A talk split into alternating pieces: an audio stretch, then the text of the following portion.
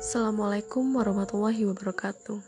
Halo, balik lagi di podcastku. Namaku Rere.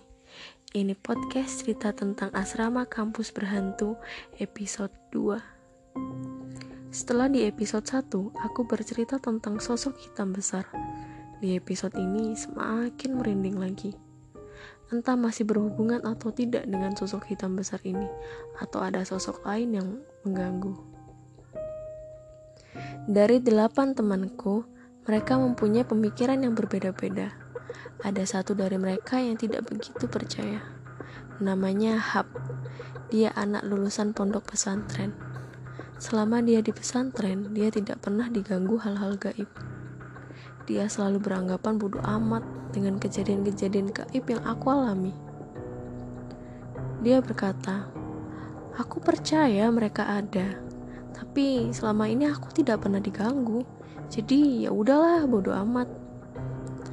Menurutku ucapannya terlalu menantang makhluk-makhluk gaib dan aku khawatir akan hal-hal aneh terjadi.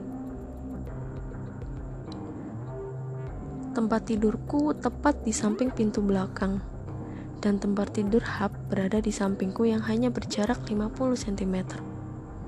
Kami sama-sama tidur di kasur bagian bawah. Hub adalah orang yang selalu mendengarkan lagu melalui earphone-nya. Seakan-akan dia memang orang yang asik dengan dunianya sendiri. Dan aku, orang yang selalu melepaskan earphone-nya kalau dia tertidur. Pada akhirnya, malam itu pun tiba. Kekhawatiranku menjadi nyata. Dan lagi-lagi kejadiannya terjadi pada tengah malam.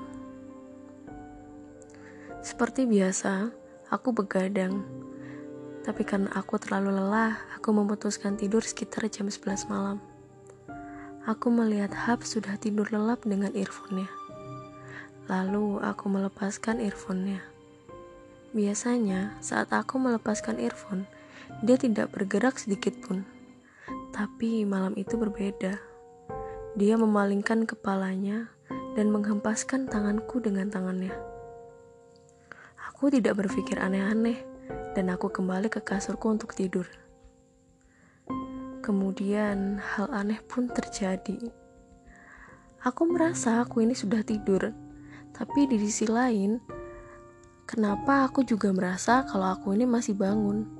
Mata aku benar-benar bisa melihat kondisi kamar Aku yang awalnya tidur membelakangi Hab, kemudian aku memaksakan diri untuk membalikkan badanku ke arah Hab. Lalu aku terkejut. Di situ aku melihat Hab seperti menjerit, tapi tertahan oleh sesuatu. Badannya pun bergerak-gerak seakan tertindih sesuatu dan ingin bangun dari kasur. Aku ingin membangunkannya, tapi tidak bisa. Aku berusaha menjerit, tapi tidak keluar suara. Aku berdoa sebisaku, tapi tetap tidak bisa. Seakan-akan ada yang menahanku dan menyuruhku untuk tidak ikut campur dengan hati.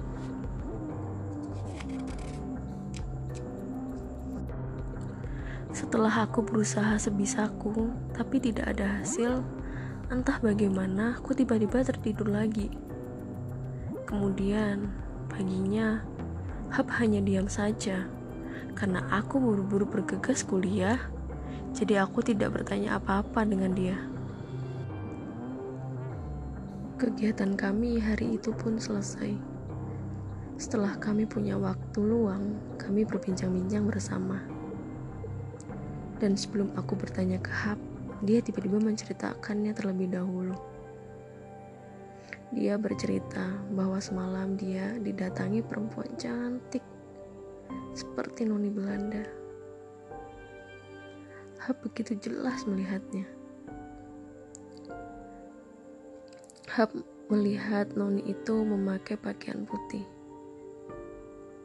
Noni itu melintas di atas badan Hab dan Hab merasakan baju noni itu panjang dan terjal seperti gaun kerajaan yang bergelombang-gelombang itu.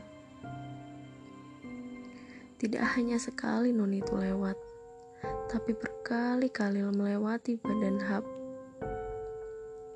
Hap pun berusaha untuk bangun dan teriak, tapi tidak bisa. Dia pun terus berdoa semaksimal mungkin, tapi tetap tidak bisa. Semangatnya pun tidak pernah luntur. Dia tetap berdoa dan berdoa. Setelah dia berusaha melewati malam yang panjang, pada akhirnya Noni itu pun pergi dan Hap bisa tertidur lagi. Kemudian, sontak aku dan teman-temanku mengucapkan kepada Hap, Mangkane ta, ojo ngeyel di dikandani dikandani wongku dirungokno. Percaya. Nek wis kedaden ngene yo kapokmu wis.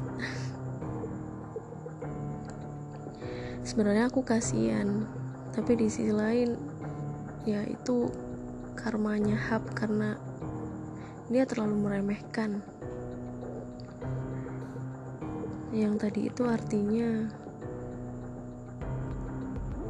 ya udah kalau dikasih tahu jangan bandel. Dikasih itu dikasih tahu itu didengarkan dan percaya. Kalau udah kejadian gini ya udah kapok kamu. Terus Hab berkata iya iya aku percaya. Ya udah ya aku benar-benar percaya aku aku percaya gitu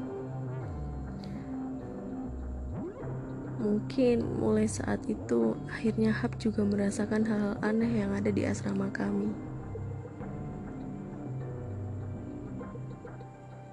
Sekian podcast aku tentang hub kali ini. Kita ketemu di podcast-podcastku selanjutnya ya. Masih ada cerita lain tentang aku dan teman-temanku yang kami alami di asrama ini. Terima kasih kalian udah mendengarkan. Dan see you. Wassalamualaikum warahmatullahi wabarakatuh.